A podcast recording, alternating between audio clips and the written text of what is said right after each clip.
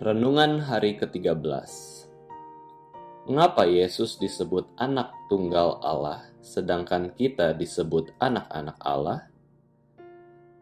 Hal ini menandakan bahwa ada dua jenis anak. Anak tunggal yang diperanakan Allah dan anak-anak adopsi Allah. Seperti dalam keluarga manusia, ada anak-anak yang dilahirkan oleh orang tua tetapi juga ada anak-anak yang diadopsi oleh sepasang suami istri agar anak-anak itu menjadi anak angkat mereka. Apa itu adopsi? Adopsi adalah sesuatu yang luar biasa. Anak yang tadinya tidak memiliki apa pun, tiba-tiba memiliki sebuah keluarga, bahkan hak legal yang sama dengan anak kandung. Sayangnya, anak adopsi bisa saja melupakan anugerah besar itu. Anak adopsi bisa menyia-nyiakan kebaikan orang tua angkatnya. Ada seorang pria yang dewasa baru saja tahu bahwa dia itu adalah anak adopsi. Setelah tahu dia anak adopsi, dia terobsesi mencari orang tua kandungnya. Sebenarnya, lebih baik orang tua yang mengadopsi anak perlu memberitahu di waktu yang tepat kepada anak mereka bahwa anak mereka adalah anak adopsi. Kenapa? Karena pada kisah ini, pria itu malah galau dan ingin sekali menemui orang tua kandungnya. Pada akhirnya, pria itu menemukan orang tua kandungnya. Dan dia tersadar bahwa orang tua kandungnya tidak seberharga orang tua adopsinya. Ketika seorang pria itu menyadari hal tersebut, betapa ia berutang pada orang tua adopsinya. Dan betapa pria ini mengasihi seribu kali lebih banyak kepada orang tua adopsinya dibandingkan orang tua kandung yang mencampakannya. Bapak, ibu, saudara yang terkasih, hubungan kita dengan Bapa Surgawi mirip seperti itu Yesus anak tunggal Allah Bapa, kita ini anak-anak Adam yang sudah jatuh ke dalam dosa. Karena dosa, kita layak mati dalam dosa dan sudah jatuh ke dalam kuasa iblis. Namun apakah yang terjadi ketika kita yang berdosa ini digerakkan roh kudus untuk percaya Injil?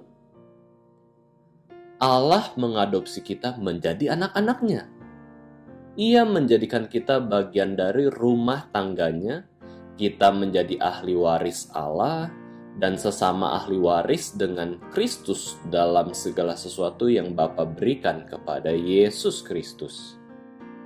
Begitu baik Allah kita itu. Dia mau ambil kita, dia mau menyelamatkan kita, dia mau memelihara hidup kita sebagai anaknya kita harus sadar perbedaan kita dengan Yesus Kristus. Tuhan Yesus adalah ilahi. Dia adalah Allah. Dia adalah anak Allah yang kekal, sedangkan kita adalah anak-anak adopsi dari Allah Bapa yang berbelas kasihan kepada kita. Tuhan Yesus diperanakan sejak kekekalan. Kita diperanakan dalam ruang dan waktu kita sebagai manusia punya awal. Tuhan Yesus itu kekal. Jonathan Edwards menyatakan bahwa Allah Bapa yang tak terbatas, kekal, dan dirinya sendiri tidak pernah berubah, ini adalah suatu pemahaman tentang ketidakterbatasan Allah. Dia itu kekal, dia itu tidak berubah tentang dirinya sendiri, dan ini mengacu kepada firman firman Tuhan itu kekal dan tidak berubah. Sesuai dengan firman Tuhan yang mengatakan, pada mulanya adalah firman, firman itu bersama-sama dengan Allah, dan firman itu adalah Allah.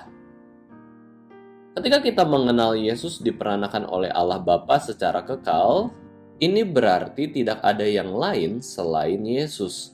Yesus itu satu-satunya. Dia anak tunggal Allah Bapa.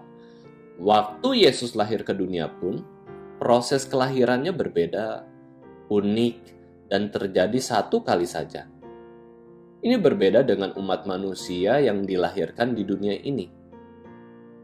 Hanya Yesus yang dikandung di dalam rahim seorang perawan dan dilahirkan tanpa seorang ayah manusia. Tuhan Yesus itu ilahi, sebelum pada akhirnya dia menjadi manusia untuk memberikan jalan supaya kita diadopsi jadi anak-anak Allah. Di masa pandemi ini, banyak orang tua kehilangan anak. Banyak anak kehilangan orang tua. Akan tetapi, jika kita memandang kepada Allah yang kekal, Dia itu Bapa kita. Kita tidak akan pernah ditinggalkan sendiri kita akan memiliki kekuatan dari Allah di masa-masa tersulit hidup kita. Dia selalu memperhatikan kita karena kita anak-anaknya. Dia membimbing, dia mengasihi, dia mendidik kita untuk menjadi anak-anak yang mengasihinya dan mengasihi sesama manusia. Itulah Allah kita. Dia itu Bapa yang baik, Bapa kita Bapa yang kekal, Bapa yang mulia. Bapak, Ibu, Saudara yang terkasih, bersyukurlah atas Allah yang kita miliki. Allah Tritunggal mau anggap kita sebagai anak-anaknya. Dia angkat kita dari anak-anak yang berdosa, anak-anak iblis, menjadi anak-anak Allah. Namun, apakah kita sudah anggap Allah sebagai Bapa kita?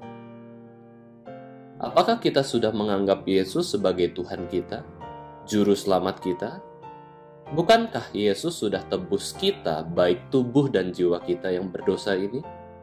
Yesus sudah tebus kita dari segala dosa kita, bukan dengan emas atau perak, tetapi dengan darahnya sendiri yang amat berharga. Dan Yesus telah melepaskan kita dari kuasa iblis. Dia sudah jadikan kita miliknya sendiri. Itulah Allah yang mengasihi kita. Puji Tuhan, puji Tuhan. Amin.